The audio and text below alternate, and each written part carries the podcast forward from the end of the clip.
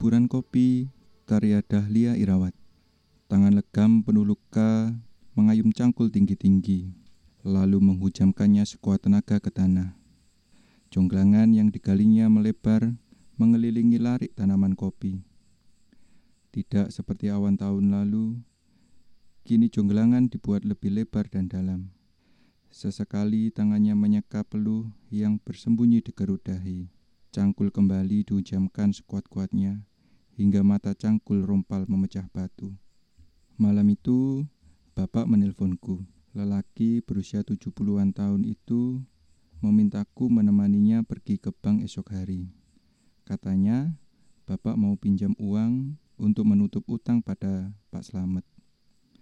Dari temannya, bapak tahu bahwa bunga bank jauh lebih murah dari bunga utang ke Pak Slamet. Pak Slamet adalah pedagang kaya raya di kampungku.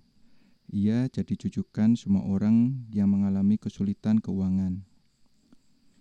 Tahun lalu, Bapak salah satu di antara mereka.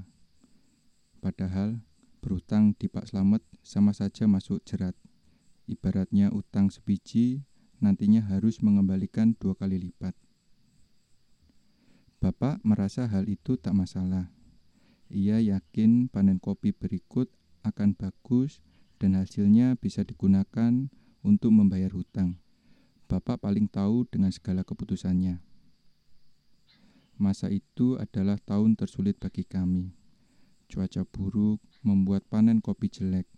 Harganya anjlok. Hasil panen pun hanya sepertiga dari tahun sebelumnya. Itu pun kualitasnya tidak bagus biji kopi tidak membesar seukuran biasanya. Keropos di sana-sini. Makanya, Bapak memilih tidak menjualnya dan mengonsumsinya sendiri kopi miliknya. Pada masa sulit tersebut, aku diterima kuliah di kota, sehingga butuh biaya besar untuk bayar SPP dan ongkos kos. Aku kos karena rumahku berjarak 5 km dari kota. Jika aku memilih pergi pulang tiap hari, aku berat ong untuk ongkos angkutan. Semua itu kulakukan demi bapak dan ibu. Bapak adalah orang yang menyuruhku kuliah. Ibuku selalu saja membenarkan apa kata bapak. Padahal aku tidak setuju. Bagiku, Kuliah hanya membuang-buang uang, tapi apalah aku di hadapan mereka berdua. Kenapa aku harus kuliah saat panen kopi memburuk, Pak? Apa tidak sebaiknya aku membantu Bapak saja? Hemat biaya hidup, tanyaku pada Bapak saat itu. Bapak menjawab, kuliah penting bagiku agar aku bisa mencari solusi agar tanaman kopi lebih banyak berproduksi. Aku misi tidak terima dengan jawaban itu. Masih ada segudang tanya, seperti kenapa tidak ditunda saja kuliahku dan kenapa aku tidak boleh bekerja di kebun seperti bapak. Tapi saat aku hendak bertanya kepada kedua kalinya, bapak sudah rebah di dipan kayu di depan perapian.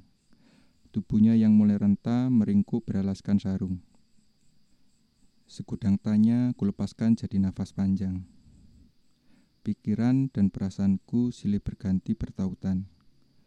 Mungkin saja keinginan Bapak menguliahkanku adalah hasrat terdalamnya mengenyam bangku kuliah. Bapak hanya tamatan SMP. Sejak kecil ia sudah masuk ke kebun kopi. Keluarga Bapak adalah petani kopi turun-temurun. Hidup Bapak adalah kopi. Bapak tumbuh dari dan untuk pohon kopi. Apa pun itu, kulakuni saja kenan Bapak, karena memang tidak ada yang bisa membantahnya. Toh, selama ini, apa yang dilakukan Bapak hasilnya selalu baik.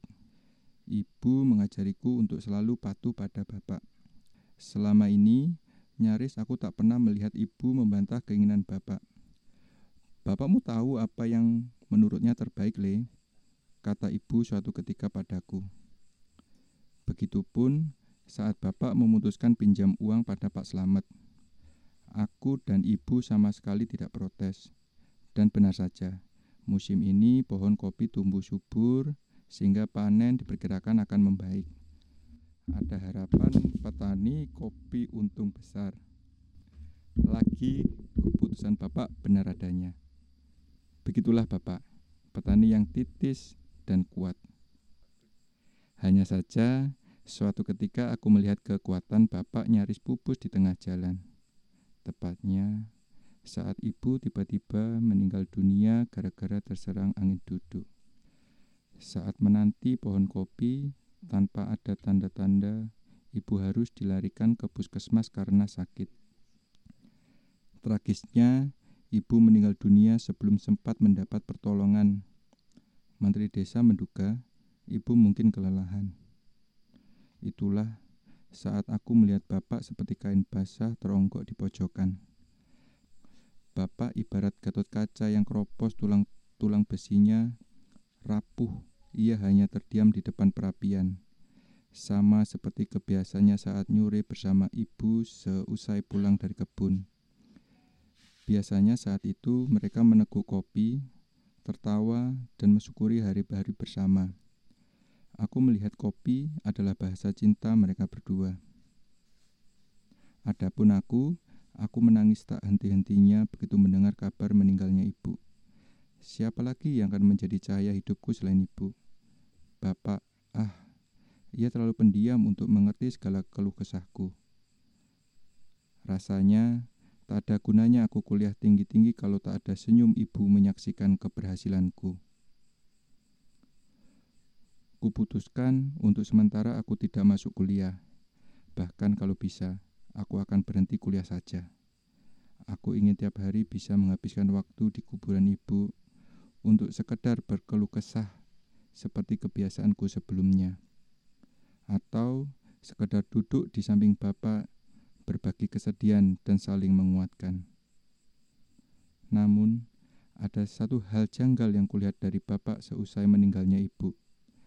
Bapak tidak keluar rumah, kecuali untuk menengok tanaman kopinya di kebun dari pagi hingga sore hari. Pernah aku mencoba mengintip apa yang dilakukan Bapak di kebun seharian. Aku khawatir duka akan membuat Bapak melakukan hal-hal yang tidak benar. Tapi rupanya Bapak hanya duduk di antara rimbun pohon kopi, mengelus daun, menciumi biji kopi, lalu rebah di bawah naungan batang-batang kopi. Aku sempat berpikir, mungkin Bapak ingin menyembunyikan tangis di balik gundukan jogelangan yang mengelilingi pohon kopi. Mungkin Bapak malu menangis di depanku. Selama ini, aku memang tidak pernah melihat Bapak menangis. Sama seperti aku tak pernah menangis di hadapan Bapak.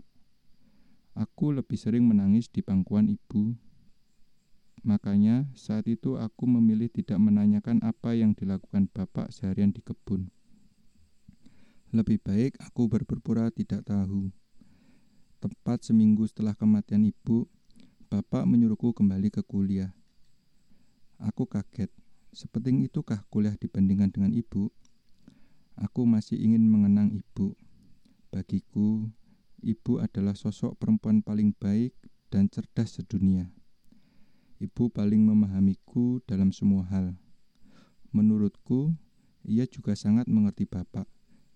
Meski sepengetahuanku, Bapak bicaranya hanya sepatah dua patah kata. Aku masih ingin mengenang ibu, Pak. Apa Bapak tidak cinta ibu? Tanyaku. Memberanikan diri. Aku tidak lagi merasa ada yang perlu ditahan-tahan. Aku berpikir Rasa berkabung untuk ibu harusnya selama mungkin. Demi ibu yang selama ini menjadi tempatku mengadukan segala persoalan. Bapak memandangku kaget. Mungkin ia tak percaya aku berani membantahnya. Tetapi Bapak tidak marah. Ia malah mengajakku pergi ke kebun, menengok tanaman kopi. Bapak menunjukkan betapa musim ini kami akan panen besar. Biji kopi berkembang penuh memerah ranum dan melebat di setiap tangkainya. Siap panen. Setelah susah akan datang bahagia. Biarkan waktu membahagiakanmu, kata bapak padaku sambil memetik si biji merah.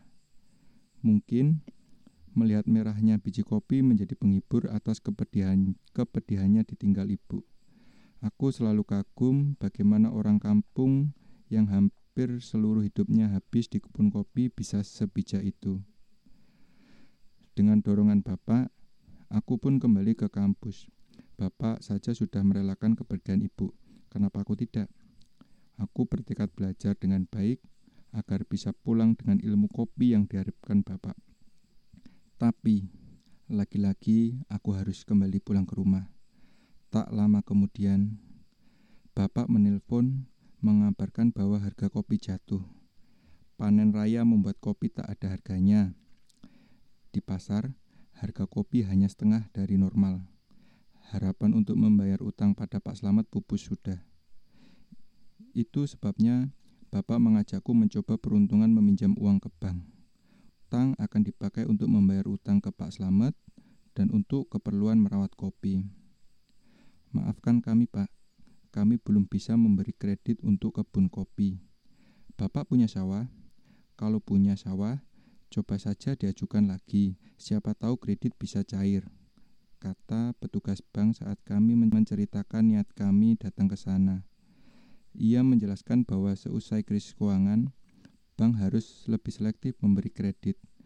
Kebun kopi dinilai belum bisa menjamin petani mampu mengembalikan utang. Suasana mendadak hening setelah petugas bank memberi penjelasan. Saking heningnya, tarikan dan hembusan nafas pelan-pelan bapak terdengar memenuhi ruangan. Surat tanah yang semula didekapnya terjun bebas dari ketiak dan menghantam keras upin keramik yang berkilauan. Namun, bapak tetap tak bergerak. Tatapannya kosong ke depan.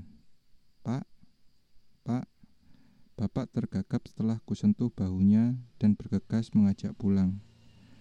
Setelah bertubi-tubi kena masalah, aku tahu Bapak kembali terluka. Luka yang kembali menganga. Setelah kematian ibu, kami pun pulang dengan tangan hampa. Warisan turun-temurun yang dijaganya selama ini tak ada harganya. Sepanjang jalan pulang, Aku dan bapak tak bicara sepatah kata pun. Bapak hanya diam saat ku bonceng pulang. Tagihan utang pada Pak Slamet, uang SPP kuliahku, kematian ibu, ongkos pekerja, biaya hidup sehari-hari, seperti silih berganti muncul di kepalaku. Mungkin bayangan itu juga yang membungkam bapak sepanjang jalan. Kepingan mata cangkul yang rompal perlahan diambil oleh bapak. Diusap dan dibersihkan dengan jari-jarinya. Lalu dengan cepat, kepingan besi itu dilempar ke dalam jonglangan. Seperti pupuk yang selama ini mengisi jonglangan. Mata cangkul itu langsung menempel ke tanah dekat pohon kopi. Sejenak bapak menerawang nanar ke lubang yang menganga itu. Pandangannya beralih pada deretan pohon kopi. Ia kemudian beringsut mengambil sabit, menghela nafas panjang, dan sedetik kemudian mencacai pohon kopi. Orang lemah menanti kesempatan, orang kuat membuat perubahan. Gumam pria bercaping itu sambil membabati tanaman kopi seperti kesetanan. Batang-batang pohon kopi jatuh tergeletak tak beraturan lalu didorongnya masuk ke dalam joglangan. Tiba-tiba bapak terjatuh, menelungkup seperti onggong kain basah di pojokan. Diam tak bergerak. Hampir bersamaan, aku mendengar rintian samar. Seketika nafasku sesak, kulihat cairan merah menetes di batang-batang kopi yang kena babat. Pelan, kuseka cairan yang sama dari kedua mataku.